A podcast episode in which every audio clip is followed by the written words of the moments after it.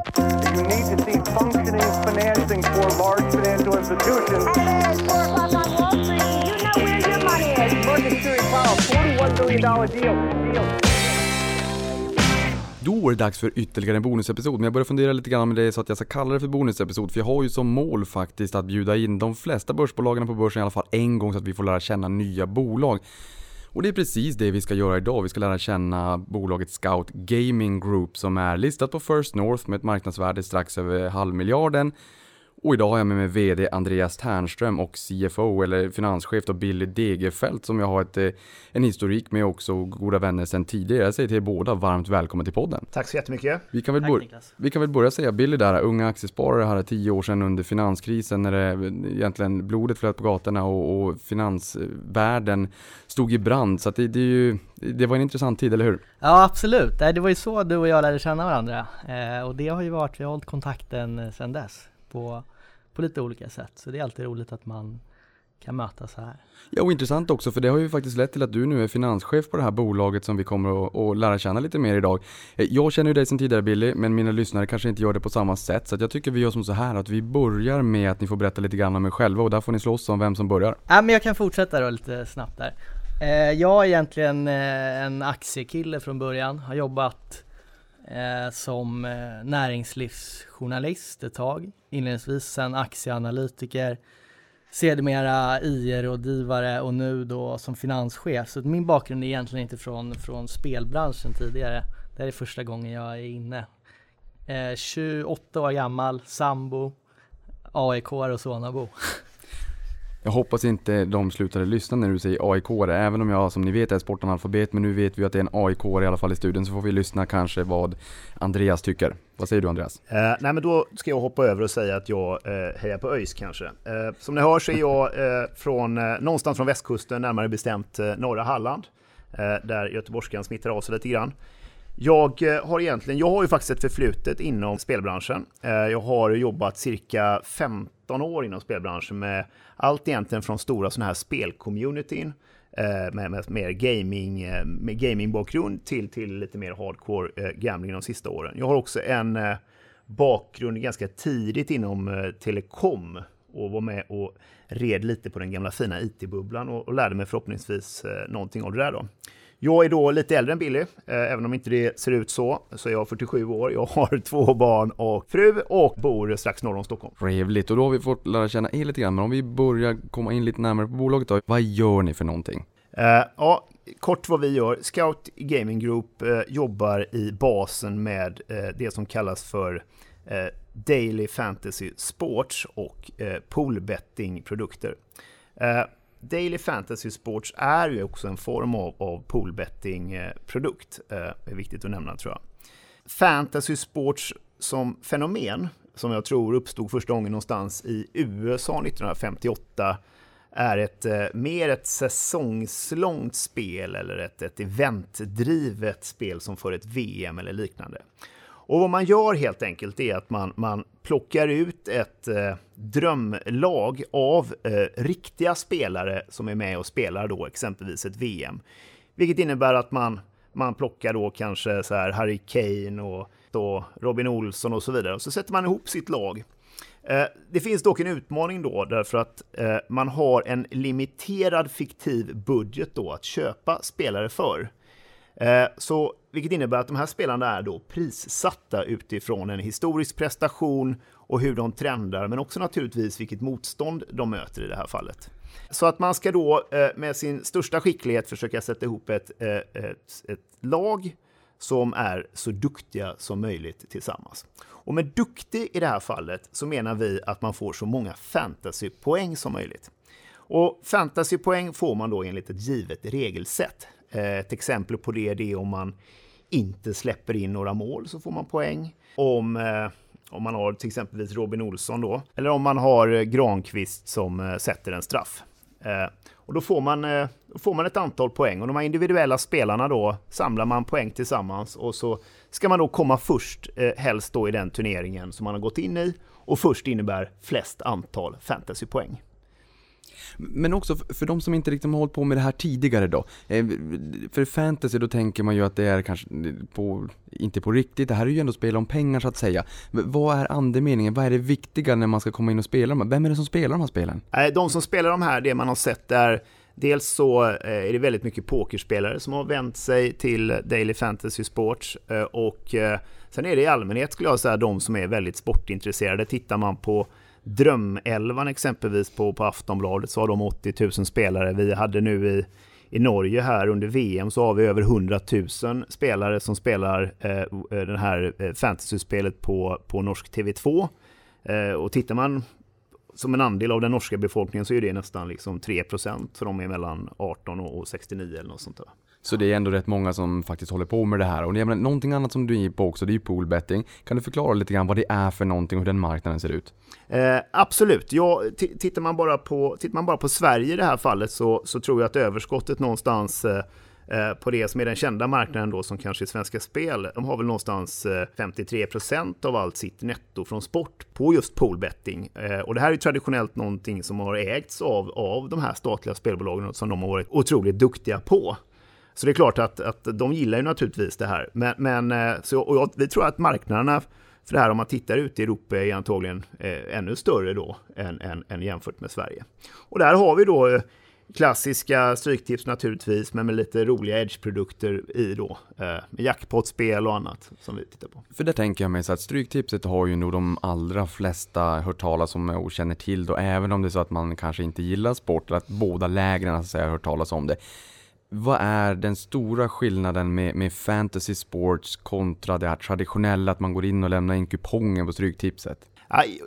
Alltså man kan säga att vad du gör egentligen det är ju att du lämnar in en kupong om du så vill. Du tillverkar ett lag i fantasy sports och sen så går du in i en turnering eller i ett poolspel. Det är egentligen precis eh, samma sak fast det här är här är lutat, det, det som är Daily Fantasy Sports eller Fantasy Sport, det är en fokus på, på spelarna och hur de presterar.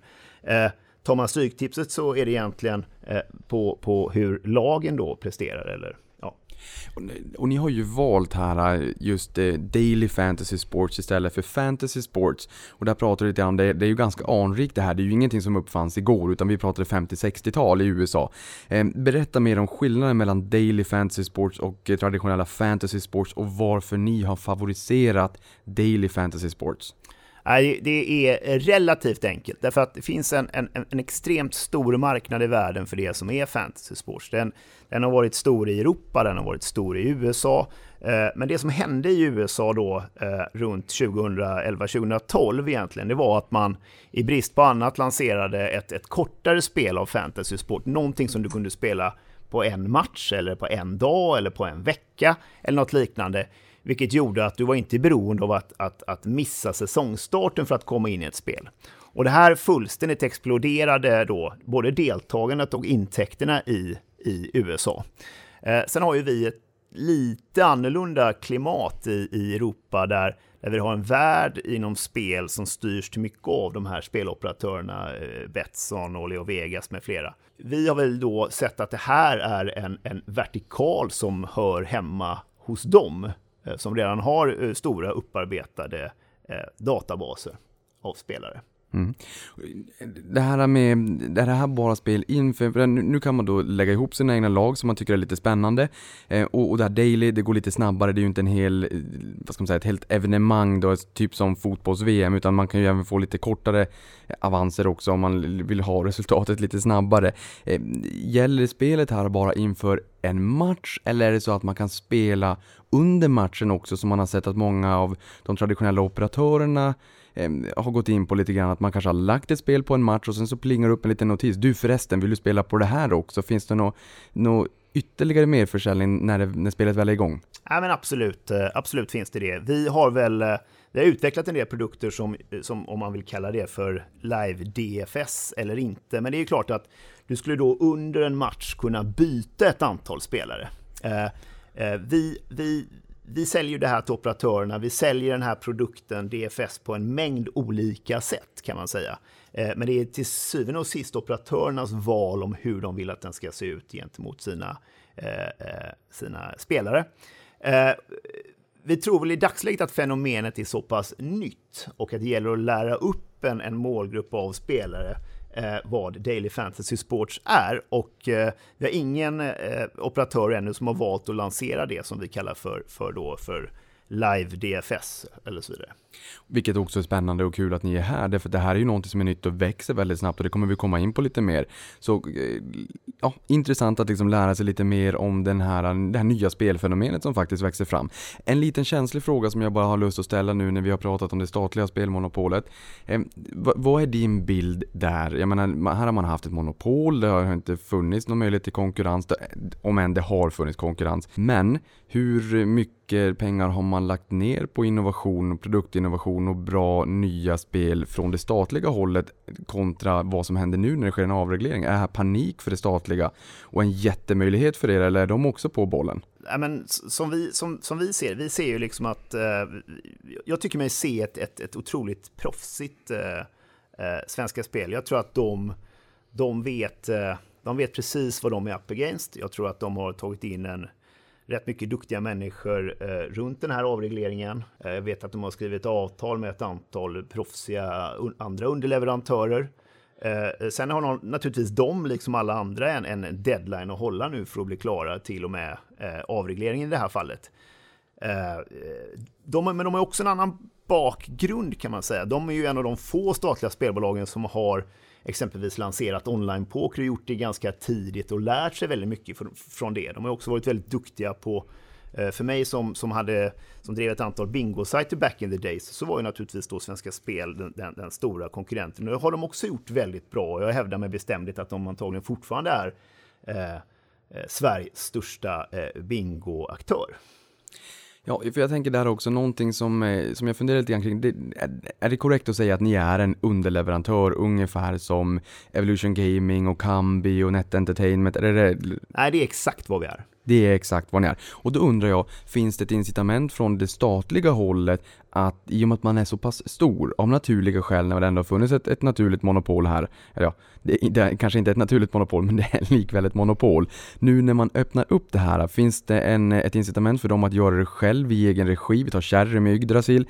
Eller är det mer intressant att faktiskt teama ihop med en part som er och få in någon som proffs, är proffs på det här och lägger all sin energi på att utveckla och sen bäddar de bara in det i sin upplevelse? Nej, ja, det, det, det, vår uppfattning är att, att de är otroligt duktiga på, på det, det som är, har varit deras bas. Det har varit en del sportspel och det har varit eh, eh, lotterier där de har, varit, har en, en, stark förankring och är då väldigt duktiga på. Men vad vi har sett där på, på bingot bland annat och på, på, på pokern historiskt så har man tagit in underleverantörer. Eh, nu vet inte jag hur det här kommer att se ut framgent för dem, men eh, vi tror att de sitter på en stor del av den här poolbetting-målgruppen eh, eh, och eh, jag tror också att de, liksom alla andra, förstår att en fantasy-plattform med all prissättning som ska ske, allting som ska uppdateras, finnas i ett nätverk så som Poken gjorde etc. Det är en ganska en ganska stor uppgift om man säger. Vi började ju liksom bygga för det här och förstå och lära oss det här ur ett europeiskt perspektiv redan 2000 2013-2014. Det är helt enkelt otroligt mycket lärdomar under den tiden som har byggt det här systemet. Så att, eh, ja, för någonting jag tycker är intressant som jag såg här förra veckan, eller om det var den här veckan, här i närtid i alla fall, det var ju att ATG, alltså aktiebolaget Trav och Galopp, teamade ihop med Evolution Gaming kring live-casino. Och det är ju inte vad jag tänker på när jag tänker på ATG. Och slutsatsen jag drar, det är ju att nu när det sker en avreglering och en licensiering, ett licensieringsförfarande i Sverige, det,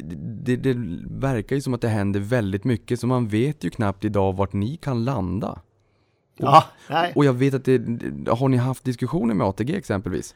Eh, men vi har, eh, vi har väl egentligen, låt oss säga så här, vi har väl träffat eh, alla som vi eh, skall ha träffat för att vara ett, ett, ett framgångsrikt eh, företag på 2018. Eh, och vi har dessutom en del väldigt spännande spel eh, som inte är klassiska eh, DFS-formatspel utan som är mer head-to-head-spel som passar otroligt bra för häst.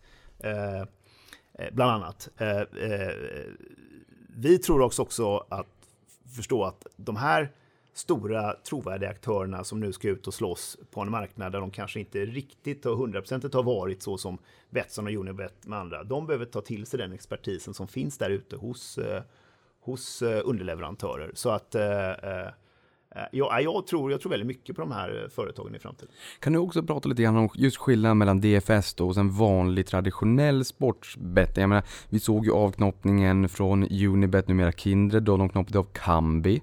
De är ju stora på sportsbetting. Hur står de sig i relation till, till er? Hur ska man tänka er sinsemellan? Nej, men jag tror att eh, om man ska titta på Scout Gaming Group jämfört med eh, eh Kambi ur ett produktperspektiv så eh, är Kambi eh, otroligt duktiga på, på det de gör. Nämligen då eh, odds och eh, sportsbetting.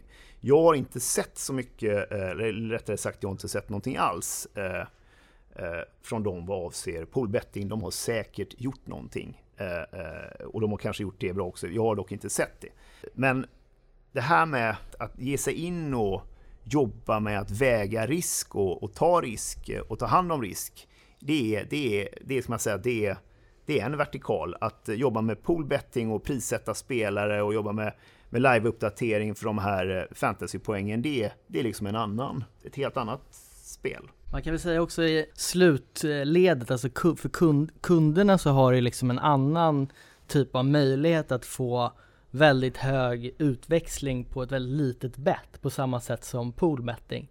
Det har du ju i och förvisso också när du har liksom så här högoddsare, men då är det kanske mer liksom osannolikt att event sker. Här blir det mer en tävling där man, den som är bäst vinner en stor summa. Men, men, där undrar jag också, skulle ni säga så här att just den här vanliga traditionella sportsbettingen som också växer snabbt, DSF växer också snabbt har jag förstått när jag har eh, gjort min hemläxa här.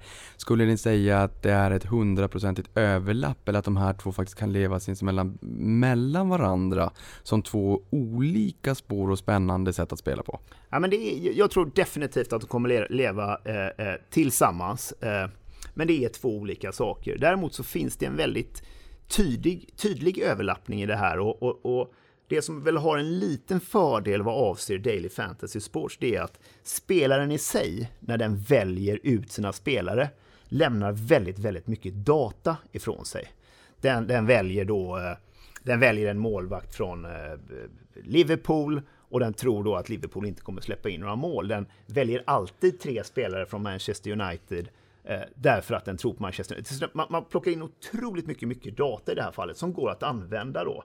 Eh, jag hoppas att vi får prata lite grann om våran crossförsäljningsprodukt Betflex sen, så kan jag förklara lite mer hur vi använder den här datan som spelarna ger oss för att skapa relevanta produkter. Och då samarbetar vi ju med Kambi och de här andra aktörerna för att kunna skapa då relevanta produkter av den datan vi har. Så att jag skulle säga att vi, vi, vi föder nog varandra lite mer än att vi skulle på något sätt vara konkurrenter i och med att det är två olika typer av spel. Ja, för det där tycker jag också är jätteintressant och just den här Betflex, vi kommer att komma in på den och vi, vi lever ju i en tid numera där data är vår tidsålders guld. Och då är det ju självfallet intressant att, att ställa frågan, bara nu som hastigast, även om vi kommer in på Betflex sen, men vem äger den här datan i och med att ni är underleverantör? Är det operatören ni säljer det här till? Eller är det faktiskt ni som i avtalet säger att men, vi vill kunna hamstra den här datan och kunna dra insights från den? Hur ser det avtalet ut? Nej, så här är det. Det är eh, kunderna, våra kunder, nämligen operatörerna, de äger den här datan. Sen är det klart att, eh, att vi kommer ju att eh, försöka använda den totala datan för att bygga än bättre produkter för våra eh, operatörer. Men, men, kunderna äger sin data. Vi är en underleverantör. Ja, sen finns det ju också ett win-win så att säga. Om ni kan använda datan och, och, bli ännu duktigare på det, vilket gör att man kanske spelar än mer, ja men då är det klart att då gynnas ju både ni och operatören så att säga. Eh, Ja, absolut. Jag vet att Net Entertainment har den här modellen där man, man deltar i deras program om att, att dela med sig av den datan man har. Och, och det är ju dit vi vill komma också. För att naturligtvis ha tillstånd att göra det så att vi kan, kan, kan, kan bygga och förädla produkter inför avsnittet, jag brukar alltid lägga ut på Twitter att det är så att det är vilket bolag som kommer och att man får skicka in lite frågor om man vill och då tog Johan på Twitter tillfället i akt och hälsade att han tackade så mycket för en trevlig spelprodukt under fotbolls-VM. Det har ju också gått bra för oss i Sverige får man ju säga. Men brasklappen, han saknar NHL. Ehm, vilka kategorier av sporten är verksamma inom idag och vilka kan tänkas eh, komma? Ja, men vi är, eh, det här är spännande att du ställer den här frågan därför att vi har ju då istället för att köra med en, en, en dataleverantör i det här fallet, som alla andra av våra eh, peers gör, eller konkurrenter eller vad man nu ska kalla det för. De jobbar ofta med något som heter Opta som levererar data. Jag tror att det finns inte ett spelbolag eller en, eller en, en tv-kanal som inte har de som underleverantör heller. Vi har vårt eget, byggt upp vårt eget lilla Opta i, eh, i eh, Ukraina, i Lviv, där vi jobbar med det här. Det har en fördel av att vi kan leverera fram vilken sport som helst. Eh, bland annat så levererar vi, eh, ja, vi levererar allting från eh, cykel till eh, vad har vi gjort? Vi har gjort cross country skiing, vi har gjort biathlon, vi har gjort all fotboll i massa olika ligor. Vi gör hockey, vi har gjort NHL. Vi gör NHL om någon vill ha NHL. Vi gör finsk hockey. Vi, gör, vi gör en mängd olika saker så att, så att vi kan leverera precis vilken sport som helst. Så att eh, eh, jag hoppas verkligen att vi får kravet på oss att, att, att leverera NHL till någon av våra operatörer. Vi, det är inte NHL-säsong nu, det kan nog vara därför han saknar NHL tror jag. Vi, vi gör NHL, det är en ja, relativt stor sport ändå för oss. Kan jag säga. Ja men vad kul, då, då förstår man på att just det här med att ni kan leverera vilken som helst, då är det alltså oavsett egentligen vilken sport man tycker är allra roligast så kommer det förmodligen att finnas på er plattform då. Kanske finns idag, eller kommer att finnas. Du är ju också in på Ukraina. Jag vet att ni är närmare 60 personer i bolaget. Berätta lite grann om er geografiska mix. Intäktsmässigt kanske det är svårare för att antingen direkt eller indirekt och när beroende på vart operatörerna har sina kunder. Men hur, personalen, vad gör de och vart finns de? Ja, äh, men vi har ett litet, eh, ett litet holdingbolagskontor i Stockholm där vi är fyra eh, personer, jag och Billy och, och två personer till. Där sker det ingen operation överhuvudtaget då, eh, utan operationen sker egentligen dels i Norge där vi har vårt teknikbolag där man utvecklar all, all tung backend-utveckling, där också våra två grundare sitter. De är väl cirka 15-16 stycken där. Eh, vi har ett kontor då, som vi sa, i Lviv i Ukraina. Där har vi då det som vi kallar för vårt statcenter där vi jobbar med prissättning och liveuppdatering av alla våra spelare. Vi gör även QA och eh, lite fronten development och design där nere, eh, vilket de har visat sig vara extremt duktiga på. Eh, otroligt roligt att få se så många duktiga människor där nere. Och sen har vi då ett kontor på Malta som är då ett, ett försäljningskontor och marknadskontor. Vi jobbar också med support och, eh, och de delarna som behövs för att kunna driva verksamheten därifrån. Och någonting annat som jag har förstått det är ju att marknaden växer snabbt vilket gör att ni kan ju fortsätta att växa med det fokuset ni har idag under lång tid. Men jag vill ändå kasta in en liten fråga och det är ju kring e-sport. För Det, det är ju fortfarande sport beroende på vem man frågar.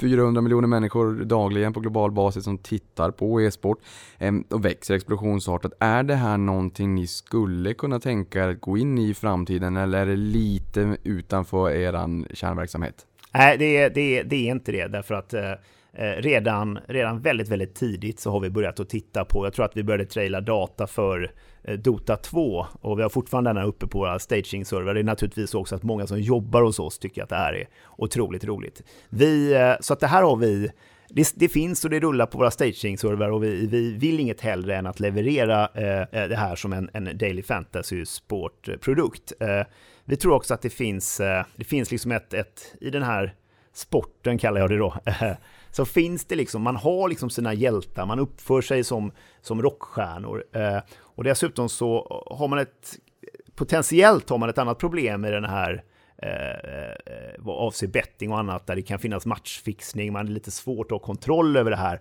stora fenomenet som pågår på så många ställen. Vilket då minskar enormt i och med, med eh, Daily Fantasy Sports, så du ska ta ut ett lag. Så att vi, vi tycker att det här lämpar sig otroligt väl för, för eh, för e-sport och hoppas verkligen att vi eh, snart kommer få en kund som, som kommer ställa krav på oss på det här. Jag försöker någonstans stå här i studion och se på, jag menar 60% av kommunikationen i kroppsspråk. Jag försöker se om det här är nära eller långt ifrån. Jag ser bara att de ler inget mer.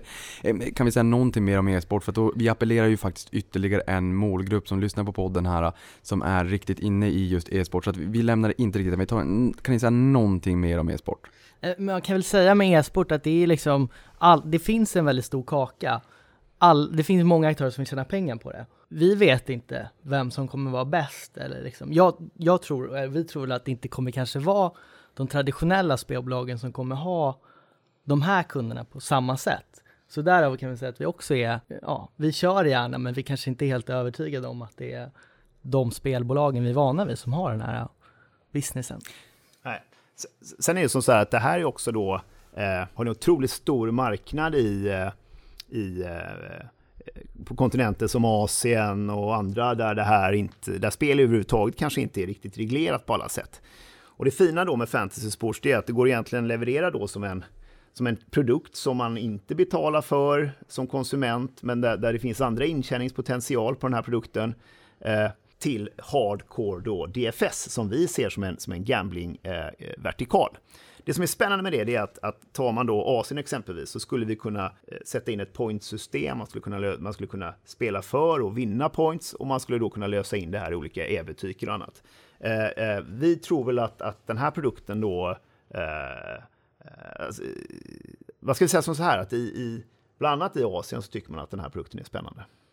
Jag hoppas att vi kommer komma in lite grann mer på det i Asien just som en spännande region att fokusera lite mer på. Men dessförinnan så är jag ganska nyfiken på eran kundstock just nu.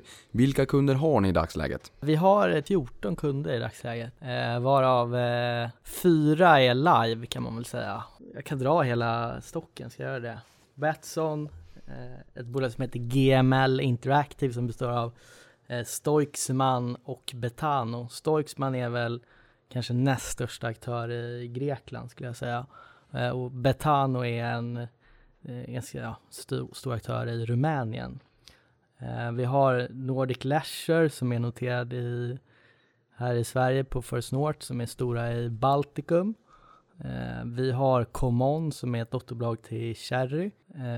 Vi har ett bolag som heter Starpick som kör cricket i eh, Indien och även eh, fotboll och en hel del andra grejer också. Eh, sen har vi eh, Lucia som är ja, en stor aktör i Sydamerika och eh, i Spanien och Portugal. Bethard som precis kom live här förra månaden Eh, kört intensivt med, med Zlatan, vilket är roligt. Vi har gjort ett, även ett spel till dem där speciellt för det. Så, att... ja, och, så det är några stycken och eh, där vi har några eh, mediebolag också då, bland annat Norsk TV2, NRK och TV4 i det här fallet. Eller Simor egentligen. Ja, för jag vet också att ni har varit ute i marknaden och kommunicerat och sagt att vi har ett antal processer och diskussioner med några av de svenska större. Jag tänker med Betsson exempelvis och även eh, Kindred. Eh, och Kindred har ju avknoppningen Kambi, men som sagt vi har ju sett att de här kanske kan leva i symbios bredvid varandra. Finns det några parter som ni är i diskussion med, som ni har kommunicerat i marknaden som ni tycker är spännande och hoppas kunna få sa eh, samarbete med och gå live med? Jag skulle säga som så här, vi har väl egentligen träffat alla stora bolag i Europa. Det finns vissa kategorier som är eh, lite svårare än andra att komma in på. Vi, har, eh, vi skulle vilja träffa några till, med betoning på några, eh, i UK, bland de stora spelarna. och sen så har vi inte i Europa träffat alla statliga spelbolag, men vi har träffat då väldigt många. I övrigt så har vi egentligen träffat alla stora. Och, och så jag tror att vi nämner i vårt prospekt så är vår strategi att vi ska ta stora Eh, kunder, så kallade, det som vi kallar för våra tier, 1-kunder. Jo, för det där är ju någonting ni har pratat lite grann om, just att fokus är på att ta in nya tier 1-kunder.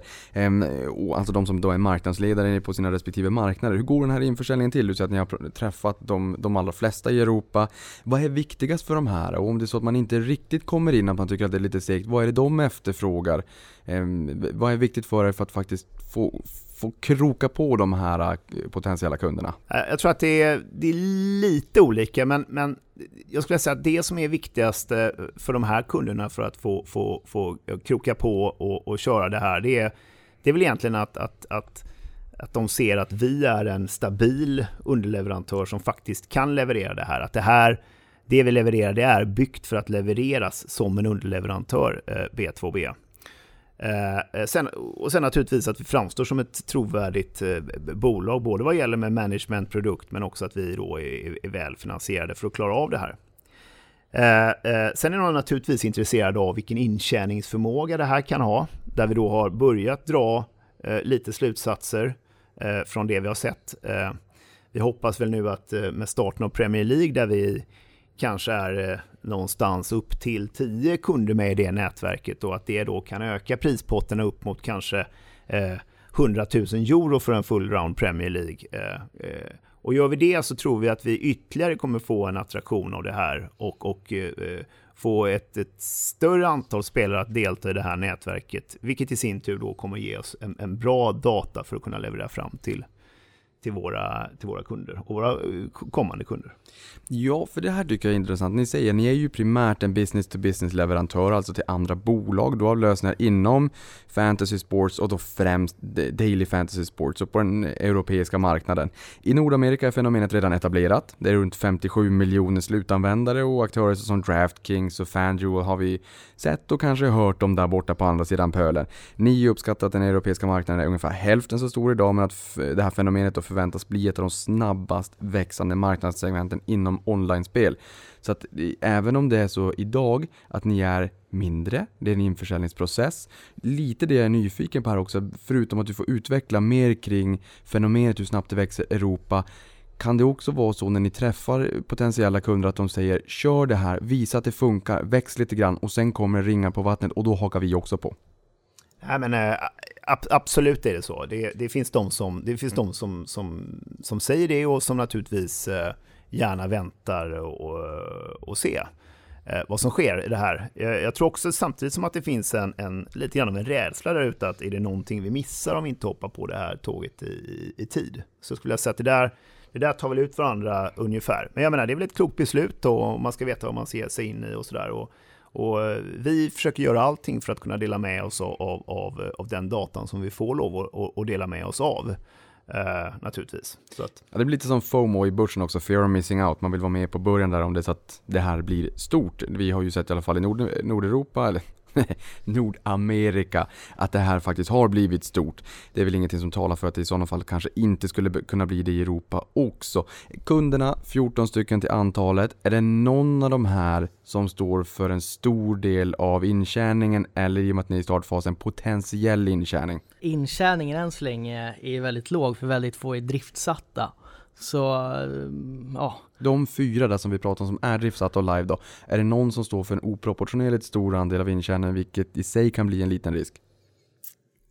Nej, det skulle jag inte säga. Men framöver så kan man väl säga att eh, statliga och, och, större bolag, egentligen ju större bolaget är, ju större andel av intäkterna kommer det liksom stå för för oss också. Det, ja ja, sen kommer det säkert finnas nischaktörer som är extra duktiga på att göra det här och kommer ha proportionellt och höga intäkter mot deras egna storlek.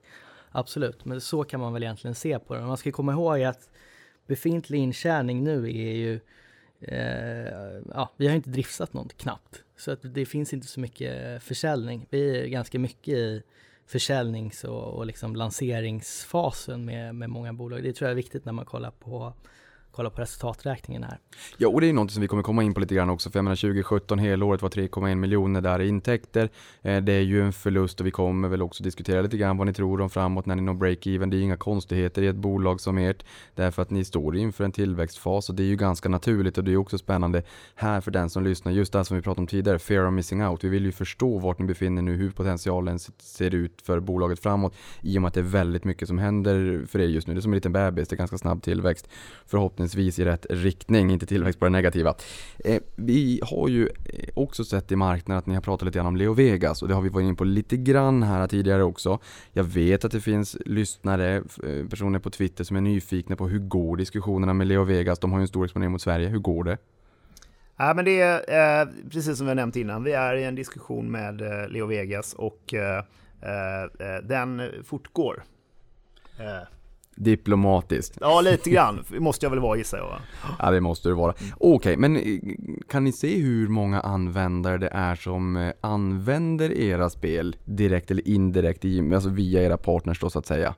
Ja, men eh, vi har eh, eh, låt, oss, låt mig säga som så här, vi har ett hundratusental ungefär som använder vårt eh, spel nu, både då i, i de här DFS-spelen men också då i de här fantasy-spelen. Sen har vi då ett, ett antal andra spel, eh, prediktorspel som det här eh, Zlatan-spelet bland annat på Bethard har och så vidare. Så att summerar man allt det där så är det, så är det rätt många som spelar det där. Vi hade det, och det, det är väl det som är det viktiga för de här operatörerna, att, att, att, att få till sig så många som möjligt som spelar det här och sen så lär man sig på det där sättet. När man har en stor bas då så successivt så konverterar man ner de här då till att spela, spela det här spelet oftare. Kan ni säga någonting om hur trenden ser ut från då 2014 fram till idag? Ja, som sagt, det här är ett tidigt skede, det är fyra stycken som är live, men eh, backa bak så långt ni, ni vill och kan då så att säga. Hur ser trenden kring aktiva spelare ut? Eh, nej, men vi lanserade väl våran första kund här va, i början av 2017 va? Ja, exakt. Men nätverket med, med Paf som var egentligen första externa B2B-operatör kom live eh, lagom till Premier League-starten förra året.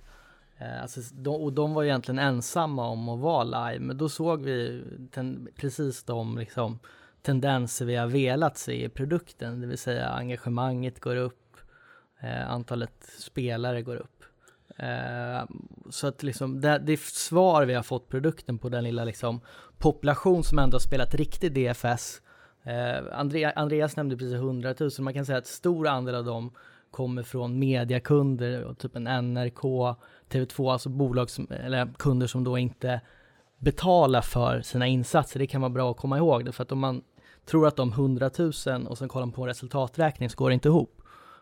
Så det vill jag lägga till där liksom. Mm. Samtidigt som marknaden förväntas växa snabbt så säger ni ju också att ni tror att konkurrensen kommer att hårdna framåt och det kanske inte är orimligt att tro eftersom att det här har blivit stort, det är etablerat i Nordamerika, vi tror att samma trend kommer att gälla i Europa.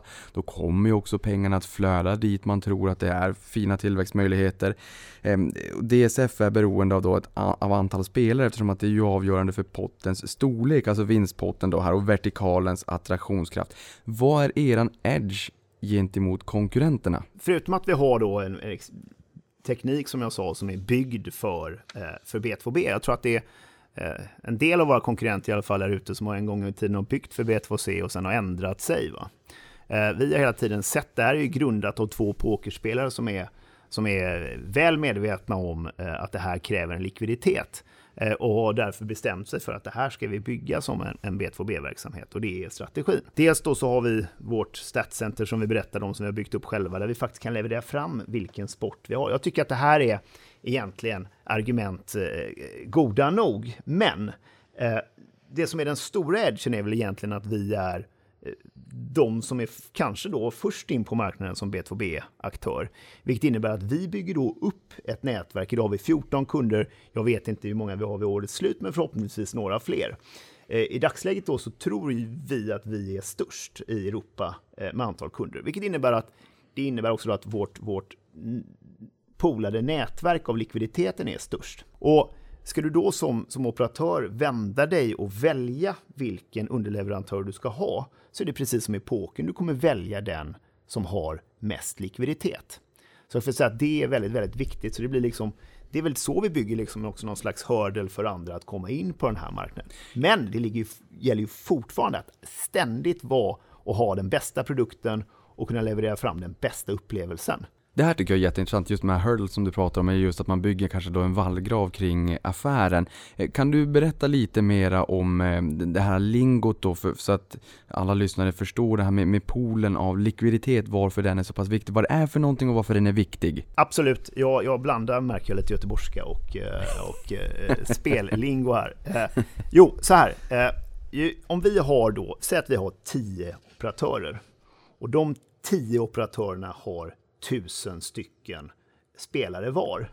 Då polar vi ihop dem så att de blir 10 000 stycken i samma turnering. Och då är det som så här att varje spelare då av de här 10 000 lägger då in i samma turnering, säg eh, 10 euro.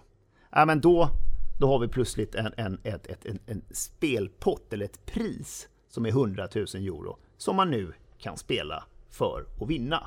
Vilket innebär att du som spelar antingen på Betthard eller på Puff eller någonting kan gå in på sajten, sätta, eh, eh, gå in i en turnering och betala 10 euro, men har chansen att vinna en miljon kronor eller 100 000 euro.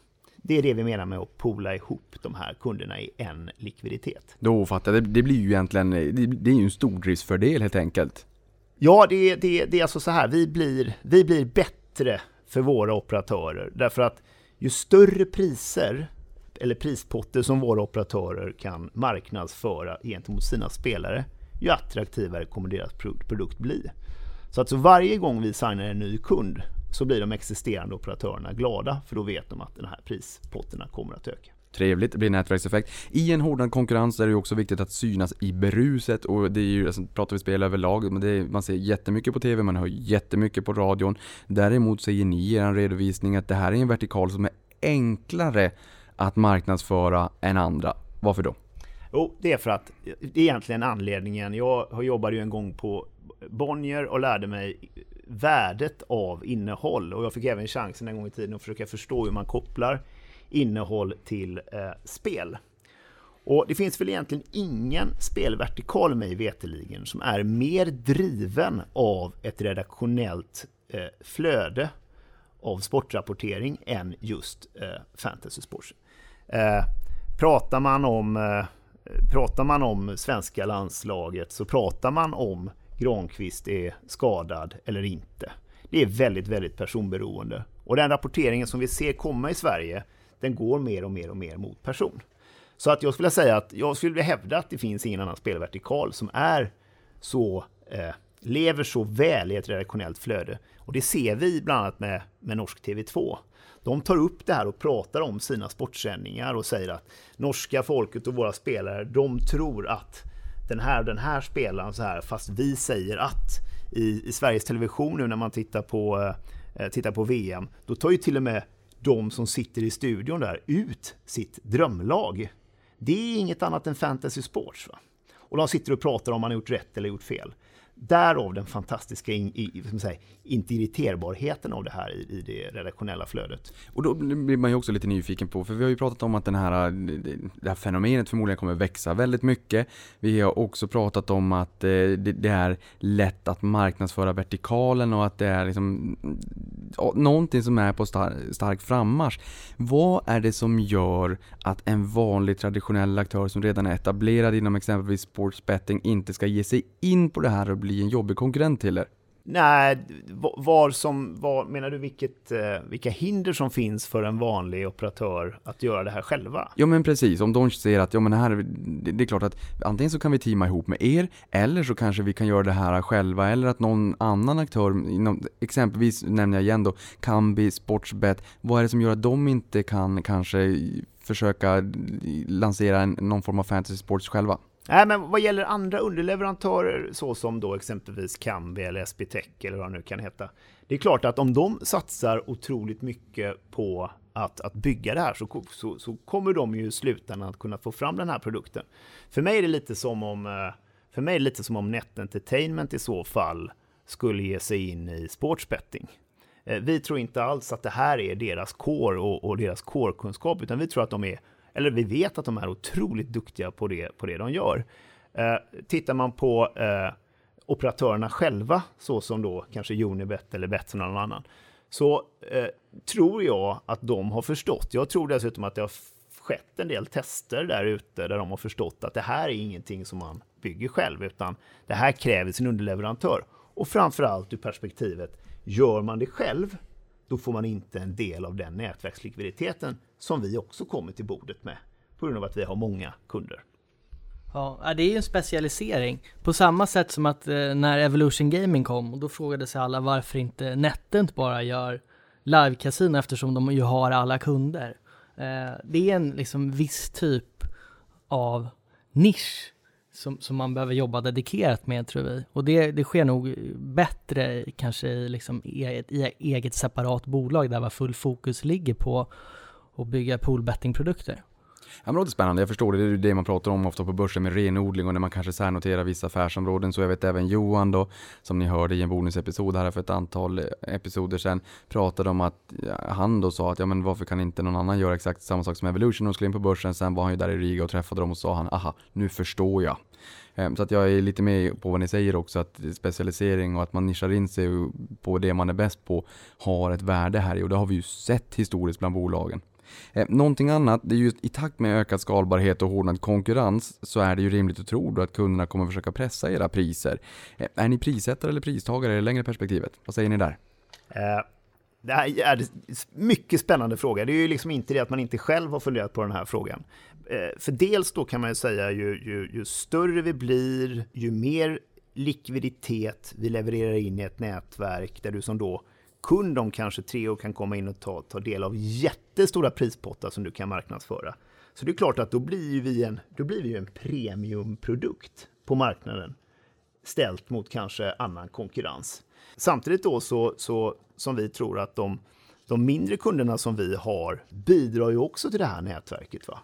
Eh, och måste också kunna finnas med och ta del av den här produkten. Och, och det, här, det, här, så det, här blir, det, här är en, det här är en jäkligt svår fråga. Man kan väl säga som så här, jag skulle säga som så här att det ser då relativt ljust ut. Jag tror att det handlar, behandlar mycket om hur vi i den potentiellt framtida ljusa situationen vi finner oss, hur vi faktiskt agerar gentemot marknaden.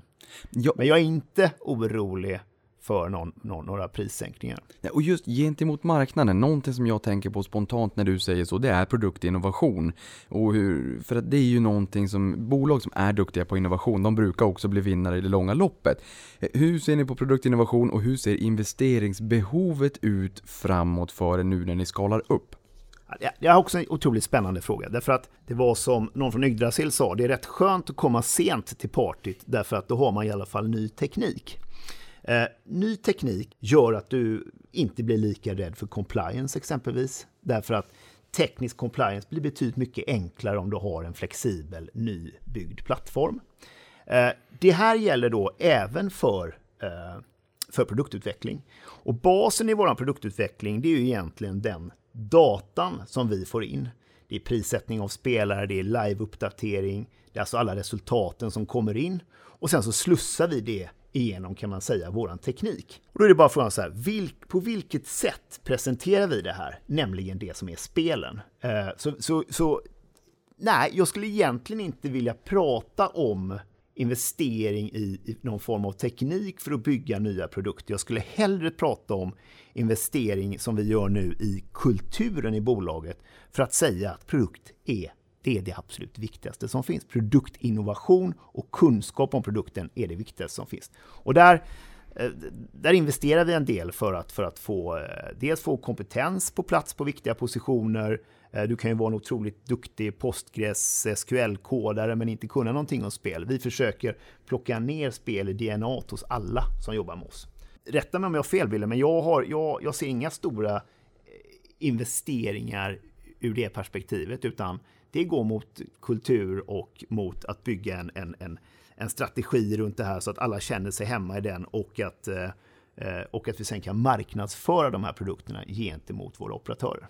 Det tolkar jag i sådana fall som att när ni börjar få eh, fler aktörer live så kommer det också bli en, en rätt härlig skjuts uppåt för marginalerna. Nu, är det, nu går det inte med vinst än, det är inte break-even ännu. Men det borde ju innebära att ni har en ganska fin operationell hävstång att se fram emot. Ja, vi är, vi är väldigt så skalbara. Det bygger ju delvis det på, som Andreas nämner om, om tekniken vi har så pass, liksom, ska man säga, öppna system att vi kan bygga saker utan att få en teknisk skuld. Eh, det gör att vi eh, på techsidan egentligen inte behöver eh, liksom, addera särskilt mycket personal. Vi har, vi har egentligen det vi behöver ha. När det gäller stats så, så är det egentligen så att, ja, ska vi addera en, liksom en sport så kanske vi behöver ta in en till i Ukraina, men det, är liksom, det handlar inte om några stora summor egentligen. Så vi har liksom inget stort capex-behov framgent skulle jag säga enligt befintlig eh, affärsplan. Men, men, vad tror ni där? Jag menar i, i dagsläget som sagt, vi, vi kommer att komma in lite grann på siffrorna. Ni har en marginell intäkt i fjol då, ni är i, i en, en eh, tillväxtfas, ni går med förlust.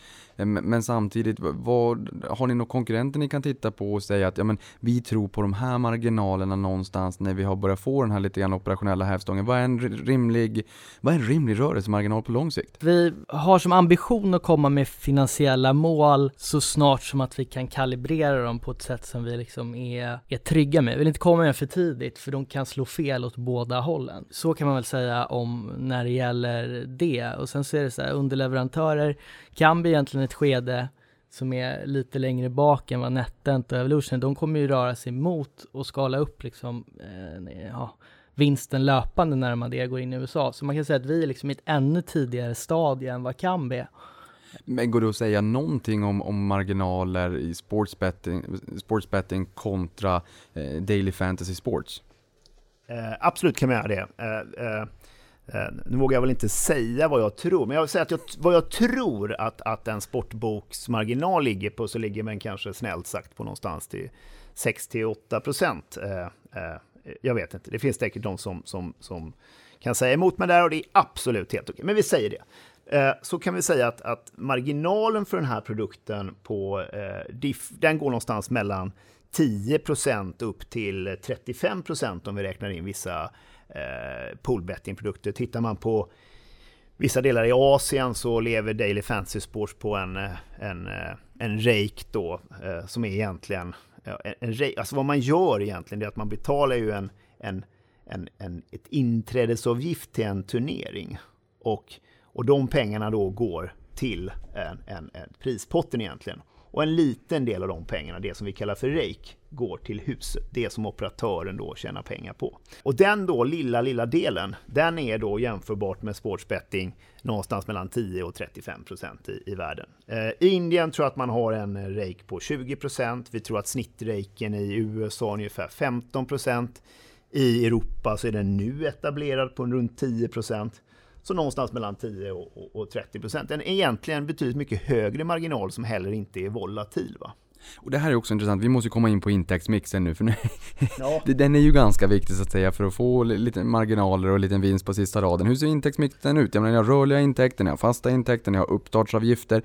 Hur ser intäkterna ut och hur ser balansen, mixen emellan ut? Man kan väl säga att nu är vi i ett skede, precis som vi har nämnt här tidigare, vi är liksom ett uppstartsskede här får vi ge en liten prognos om hur vi tror mixen kommer se ut i och med att, som du säger, uppstartsskedet. Mm, exakt, så man kan väl kanske bortse från själva uppstartsskedet och tänka sig mer framgent. Och då är det väl liksom då primärt rörliga intäkter som kommer vara liksom lejonparten av vår intäktsbas, det vill säga den andelen av raken hos olika kunder som Andreas nämner. Så det är klart, vi har en del fixed fees, vi har en del setup fees när vi liksom signar nya. Det är egentligen också eh, en ganska så väletablerad eh, modell för underleverantörer i den här sektorn. Så jag skulle säga att det, det, är liksom, det avviker nog inte eh, nämnvärt från eh, peers. Men förutom raken här och liksom ge sig in i spelet, är det någon form av delning av vinsten eller är det liksom av omsättning vad man spelar för eller är det vinsten i slutändan eller hur, hur ser intäktsfördelningen ut med era partners? Eh, exakt, kunder. vi har precis, med våra operatörer så har vi en eh, andel av den andelen som de då får in. Så att eh, absolut, så är det. Vi får, ja, vi delar med operatören helt enkelt. Och sen förutom det här så har ni ju även då rörliga intäkter från koncernens tilläggsapplikation Betflex. Det här har vi varit in på tidigt, tidigt i podden. Vad är Betflex? Äh, Betflex är en produkt som använder sig av den datan som spelarna levererar in till oss när de väljer ut sitt fantasylag. Vi tar den datan, jämför den med sportbokens alla odds och plockar ut de mest relevanta oddsen och presenterar dem i en betslip. Detta innebär att du får de mest relevanta oddsen både i förhållande till vad du har tänkt men också i tid. Eh, en ren korsförsäljningsprodukt. I det fallet då så har vi en andel av operatörens gross win. Det som är enkelt förklarat eh, bets minus wins eller som är en sportboksmarginal. Mm. Hur stor är den här marknaden mätt i pengar då? Eh. Den är ju, den är ju gigantiskt stor därför att eh, det är också därför vi gillar eh, mediebolagen i det här fallet. Om vi tar, tar ett exempel där eh, vi i dagsläget har eh, norsk, eller norsk TV2 som kund och de har 100 000 eh, spelare som spelar. Det är ett, ett, ett VM-spel i fantasy sports och de går in och byter spelare och de gör olika saker. Om vi då levererar in Betflex till dem och de nu inte har någon egen sportbok så kan ju de skicka de kunderna vidare exempelvis till eh, Norsk Tipping. Vilket innebär att eh, tar, man, eh, tar man eh, Fantasy Premier League så har de eh, någonstans, någonstans nordvart om 5 miljoner spelare som spelar där. Eh, där en Betflex-produkt skulle kunna leverera spelare till, you name it, Bet365 eller vem som helst. Eh, vi har eh, något som heter eh, Cartola FC, som inte är vår kund men som finns i Brasilien. De har eh, fyra miljoner spelare plus någonstans. Så att, så att vi tror att den här marknaden är hur stor som helst och det är också därför vi gillar mediebolagen och mediebolagen gillar oss därför att vi kan plötsligt ge dem en ny intäktskanal. Vilket är precis att likställa med en, en, en, en affiliate i det här fallet. Ja, för här måste vi stanna lite grann. Men ni har ju fyra kategorier av kunder. Och vissa av de här kunderna, det är ju inte ens spel om pengar, men ni har ju ändå en intäkt på dem. Berätta om de här fyra kategorierna. Även dels så har vi då de vanliga kunderna som är operatörerna och de som vi, som vi trycker på. Där har vi då som har sagt den här andelen, den här intäktsdelningen på den här raken som operatören tar in från spelarna eh, eh, och en intäkt då från, från Betflex. Sen har vi ju då eh, medieaktörerna. Medieaktörerna har ju traditionellt sett tjänat pengar på det här genom att faktiskt ta betalt. Ett, eh, antingen så levererar man fram en, en free version eller så levererar man fram en, en, en premiumvariant där du då kanske betalar eh, 49 eller 89 kronor eller 189 kronor för att delta och där man naturligtvis också då får en, får en andel. Men då kan även de använda sig av Betflex och i det här fallet då som jag sa så levererar de då inte spelare eh, Eh, till sin egen sportbok utan de levererar då det till en partner. Det skulle ju kunna vid en avreglering i Sverige vara vem som helst. Det kan ju vara lika, lika gärna som det är Svenska Spel kan det ju vara Leo Vegas eller någon annan.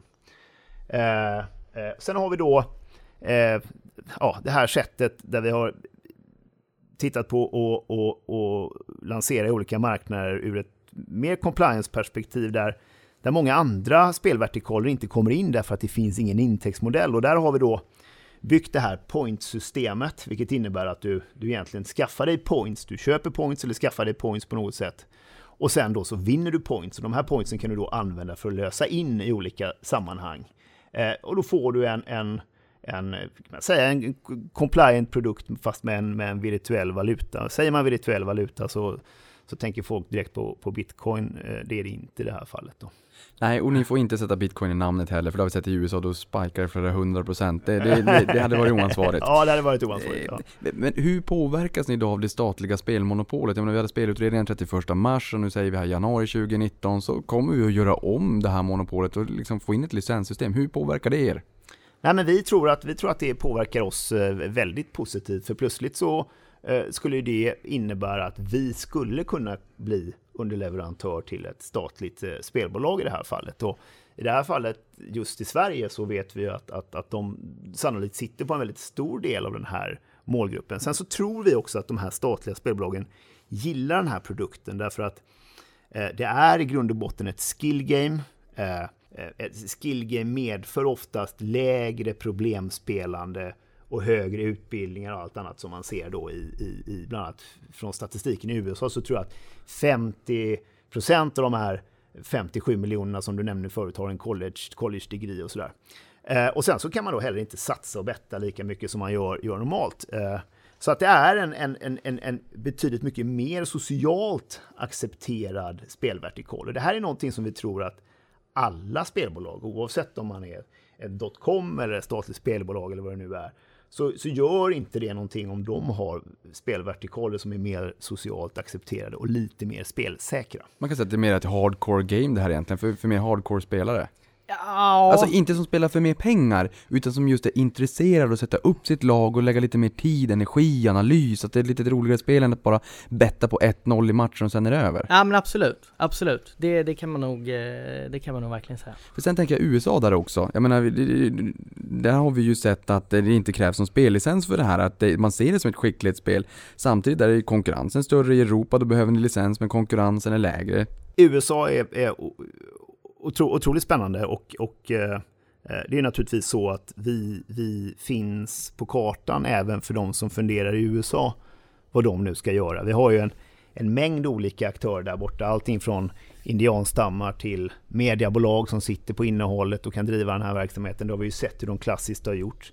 Eh, men vi ser också de statliga eh, spellotterierna som säkerligen då vill in och i alla fall har sagt i några fall att de vill in på den här marknaden. Och det, det är klart att eh, eh, finns det inte så många eh, eh underleverantörer i världen för eh, eh, Daily Fantasy Sports Så det är klart att vi kommer på kartan, om inte annat när vi går och vinner sådana här priser som, som eh, bästa leverantör på EGR och sådär. Ja, för här tänker jag också, just Asien har jag förstått ni tycker är en spännande marknad. Berätta mer om Asien också och vad det är som lockar där. Ja, men det, det, det, det vi har egentligen sett på alla de andra underleverantörerna som man får rätt god information om, om hur bra de gör ifrån sig i Asien. Eh, dessutom så är ju är det en marknad där eh, prissättningen när det kommer till reiken inte är, inte är satt. Vilket gör, och det, det såg vi när vi gick in i, i, i, Indien med, med de här Starpick, där fanns det egentligen bara en enda stor aktör och de tog 20% i reiki och, och hade ingen anledning att prisa ut sig själva. Så en gigantisk marknad som växer eh, på internetpenetration, mobilpenetration. Eh, det som är den stora, tycker jag, eh, svagheten i Asien, det är väl egentligen eh, betalningssätten. Eh, att det inte finns utbyggda riktiga payment service providers och kreditkort och allt annat. När ger, ni, när ger ni er in i den asiatiska marknaden då? Eh, nej, men vi är ju redan där kan man säga, eh, i och med att vi är i, i, i Indien och rätta mig om jag har fel, men det är väl ändå Asien va?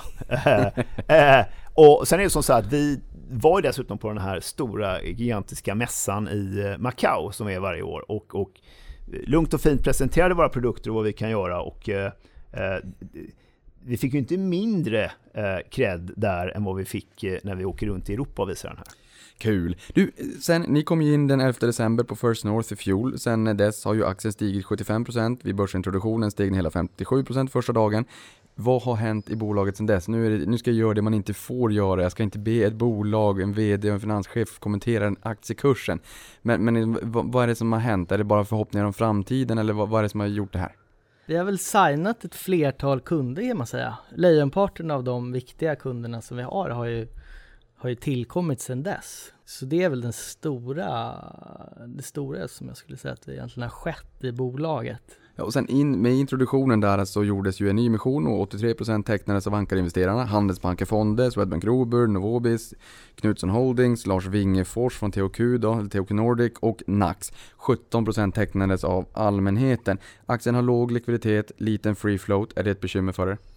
Nej, alltså inte särskilt skulle jag säga. Vi, har ju, vi är extremt glada över våra ägare. Jag skulle säga att vi kanske har de absolut vassaste institutionerna som finns i det här landet med både Armfelt och Sprinkorn på, på Swedbank som är superduktiga. Samtidigt som vi har superduktiga liksom, spelindustriella ägare i form av då eh, både, både Knutsson och Lundström. Och Wingefors där, självklart, han är ju mer en tv-spelskille men också jätteduktig entreprenör och eh, affärsman. Så vi, eh, noteringen kändes egentligen superbra utifrån ett sådant perspektiv. Sen så blev det så att vi inte kunde, vi kunde inte släppa så mycket till allmänheten. Och egentligen så var, om man ska vara ärlig, så var IPOn eh, främst för att få affärslegitimitet när vi snackar med liksom, nya kunder. Vi hade kunnat finansiera det här privat fortsatt, så, så liksom såg efterfrågan ut. Eh, Vilka är de viktigaste frågorna för investerarna då, när ni träffar dem? Det är ja, väldigt mycket frågor om liksom, marknaden, hur, i och med att det är en ny produkt så vill man ju gärna som investerare förstå responsen från speloperatörerna på det här. Det är ju liksom egentligen våra långsiktiga intäkter och då är det inte egentligen bara om de kommer signa utan också om de kommer marknadsföra. Det är ju liksom vårt nästa steg. När vi väl har fått in en kund så måste vi säkerställa att de marknadsför det. Speloperatörer är ju till mångt och mycket liksom marknadsföringsbolag. Det är deras jobb. Mm. Eh, ni skriver ju också att marknaden för DFS är fragmenterad. Betyder det här att eh, förvärv kan vara aktuella i framtiden? Kanske inte nu där ni befinner er, men i framtiden, eller kommer ni att försöka göra det här själv helt enkelt? Alltså, mm, man kan väl säga att vi på kort sikt så har ju vi väldigt mycket att göra själva i organisationen så att det blir ju inte förvärv blir ju liksom inte prioriterat när vi har fullt skägg med, med liksom våran vanliga operation. Sen på sikt så det liksom, jag menar man kan inte stänga några dörrar. Förstår jag menar, men... Ja men det låter väl rimligt i och med att eh, precis som vi har förstått här, nu är det uppskalningsfas för bolaget. Sen kanske i ett annat skede, lite mer moget skede, så kanske man, kanske ni blir den som konsoliderar via, via förvärv då. Om vi går in på lite siffror också, det är ju någonting som är intressant. Det är ett eh, bolag i tidig fas. Vi, ni har liksom målat upp bilden framför oss, det vi ser på horisonten liksom, Eh, att det här kan bli en, ett spännande fenomen. Det är ett spännande fenomen i Nordamerika, kan även bli det i Europa. Men om vi tittar på siffrorna, det är ju ändå det som vinsten eh, kommer ifrån, intäkterna på 3,1 miljoner kronor i fjol och ett eh, rörelseresultat på minus 28 miljoner. Det är ju mycket kostnader initialt. Hur vill du guida lyssnarna så att säga, när just det här med break-even och hur kommer intjäningspotentialen se ut framåt? När, jag menar, de som tittar på det här känner, oh det är lite läskigt för det är ju inte jättemycket intäkter. Kan du guida oss eh, några år framåt? Vad, vad tror du Billy? Eh, jag kan väl börja säga att vi inte har några liksom, prognoser. Eh, så att vi, eh, på så sätt så blir det ju svårt att vara liksom, mer specifik när det gäller sådana bitar.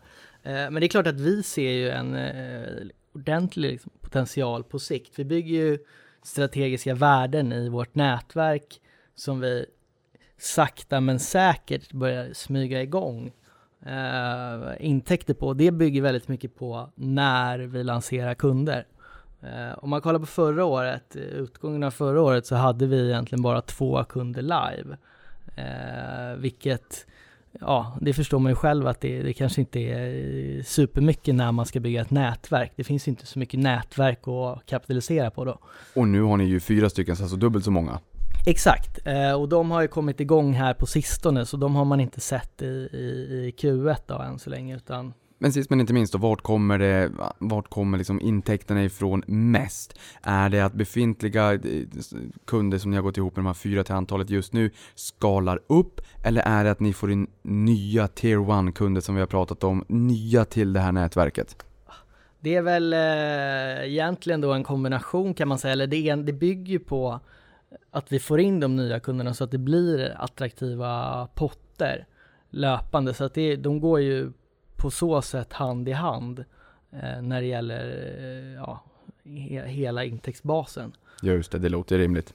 Har ni någon vy för exempelvis när ni ska nå break-even eller hur länge pengarna som ni tog in i samband med, med introduktionen, nyemissionen som gjordes där, hur länge de kommer räcka? Det är ju också två intressanta frågor för den som är lite nyfiken på att investera. Man kan väl säga att det har egentligen lite förändrats sen, sen vi kom i prospektet. Alltså vi följer befintlig affärsplan eh, och då kommer pengarna som vi tog in här då räcka givet att vi gör det vi har sagt det vill säga att det inte tillkommer andra saker då.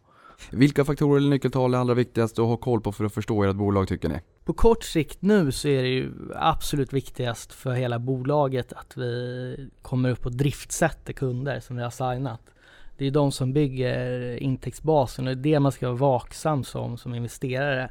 Visst, vi skriver hur många kunder vi har, men eh, det blir inte först de kommer in och upp i systemet som att det är liksom som att intäkterna kommer. Man kan väl säga att vi har egentligen, eh, det blir en första intäktsstapel direkt när vi signar om vi får en eh, setup fee. Och sen så kan man säga att basen sen då går lite lägre från och sen byggs upp successivt. Men setup fee det är en one-off? Ja exakt, Som det låter? Oh, okay. Eh, och sen kan vi ha liksom minimifier inbyggda eh, för att då kunderna ska kunna marknadsföra det här. För att de liksom måste vara pressade att marknadsföra så att de når till exempel då minfin så att de vet att de inte går back på det till exempel. Så att om man har en liten minfeed, det betyder att man kan se det som en liten, liten andel repetitiva intäkter. Även om intäkterna kommer ifrån att, att kunder spelar. Men om ja. så att ni sätter en lägsta nivå så kan man ju kanske filosofiskt se det som en liten repetitiv intäkt. Ja, så skulle man kunna se det. Det är absolut. Någonting annat som också är intressant, det är ju det här priset ni vann, Fantasy Sports Supplier of the Year. Vad betyder det här för er och hur påverkar det in försäljningen? Uh, Eh, nej men det har, det har faktiskt betytt, eh, uh, ska jag vilja säga, lite mer än vad vi kanske trodde då. Uh, och, och, det som är roligt det här, det är ju att det är ju ett pris som delas ut i Europa, i, i England, uh, men där det ger då ett eko lite grann runt jorden faktiskt. så att, och det är kul också att bli lite erkänd på det här området som är då. Jag skulle säga att, att Samtidigt som det finns inte sådär, som vi har sagt, sådär jättemycket suppliers. Men jag tror att, jag tror att det, som, det som faktiskt folk ser i det här, det är ju att, att, att de som känner spelarna bäst och vet vad spelarna vill ha, det är de som köper den här produkten av oss, nämligen operatörerna. Jag tror att det, det jag, jag, tror att det, jag känner mig väldigt trygg i att, att, att, att, att det är så. Eh, eh, och de är uppenbarligen nöjda för de är också med och, och, och delar ut det här priset då till viss del i den här juryn som sitter där. Så att, eh, det betyder jättemycket för oss och, och eh, nu vill vi vinna det varje år de kommande eh, åren här. Så att eh, vi kommer göra allt vi kan. Det låter bra, ni är taggade. Eh, Någonting som jag gillar, det är ju pilotskolan. Hur ser ert eget ägande ut i bolaget? Eh, man kan säga att jag har väl knappt en procent av bolaget. Andreas har väl tre till och med kanske. Eh, Rolf som är ordförande har något liknande. Vi har Atle Sundahl som är egentligen eh, största, enskilt största ägare och far till en av grundarna också som äger 16 procent, sitter i styrelsen också. Eh, Andreas Sundahl som är produktchef och en av grundarna äger väl en 8, 7-8 procent. Björn Fjällby som också är en av grundarna äger eh, marginellt mindre, någon, någon procentenhet mindre. Ja, så att vi har, det är ganska stort eh, insiderägande.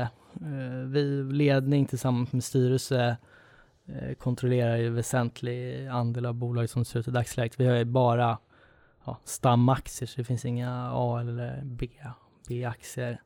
Och som sista avslutande fråga då, någonting som är viktigt i den fasen ni befinner er, tidigt skede, införsäljningen, ni ska skala upp, fenomenet växer jättemycket i Europa. Det är ju också ägarlistan och den kompetensen de kan bidra med. Kan vi säga någonting avslutande kort om den ägarlistan och den kompetensen ni har i ledning, styrelse, som, som en avslutning och, och eh, någonstans för att förstå vilka människor som, som finns med i det här projektet och tror på det här bolaget? Jo, nej men absolut, det kan vi göra. Vi har, vi har folk med som har gjort det här förut, fast på NetEnt för en, ja, 6-7 år sedan. Eh, Rolf Blom är styrelseordförande och eh, som jag nämnde så äger han en del också. Superduktig på att egentligen eh, sticka, komma fram med en strategi och en liksom långsiktig plan och egentligen då se till att vi liksom följer den och exekverar enligt det som vi egentligen har har i planen. Och detsamma gäller för eh, Johan Öhman som också är med oss. Han sitter inte i styrelsen utan jobbar med mig och Andreas på huvudkontoret i Stockholm lite mer, ska jag säga, ansvarig dedikerat för vissa projekt och gör, gör liksom flertal sådana saker. Tidigare vd på NetEnt och också varit med och gjort den här typen av liksom underleverantörsresa där man, de slog ju på samma sätt som vi hoppas göra in en ny vertikal i, i spel. Folk höll inte på med kasino och då spelade man poker. Sen kom Johan Öhman och Rolf Blom och sa att det här, eh, här ska ni nog eh, hålla på med kasino. Och nu har ju alla kasino. Vi tog, jag och Rolf och, och några till hade ett, gjorde någonting som vi tycker är otroligt viktigt. och Det var att vi plockade in någon som har eh, extremt stark kunskap inom det tekniska området. Han har det är en kille som heter Jörgen Ragnarsson. Han har varit med och bland, bland annat och grundat eh, Nyx som numera är Scientific Games Digital. Han har kodat fram en mängd plattformar för en massa olika eh, aktörer. Han har, ett, han har en, en, en, en, alltså en av de djupaste tekniska kunskaperna jag vet i, i eh, spelbranschen, vilket gör att vi har någon som ställer krav på oss på produktinnovation, men också på kvalitet i leveranser, kvalitet i, i, i, maintenance och allt annat vi håller på med. Eh, och jag tror att eh, Tyvärr tror jag att en del företag saknar den, den, den kompetensen. Vi, jag är otroligt glad för att vi har den. Och så har vi då Atle som är väldigt, väldigt stark i det här fallet var, och, och har supportat det här caset hela, hela vägen eh, ända sedan 2013. Och sen har vi faktiskt Anders Enoksson då som, som, som från, från Knutsson som sitter med och som då också äger naturligtvis då i, i, i Net Entertainment och Betsson. Och det är klart att, att det, det ger oss en, en otroligt stark styrelse. Hörrni, Andreas, Billy, stort tack för att ni kom till podden och gästade och berättade mer om Scout Gaming. Tack själv! Tack Niklas, mycket trevligt att vara här.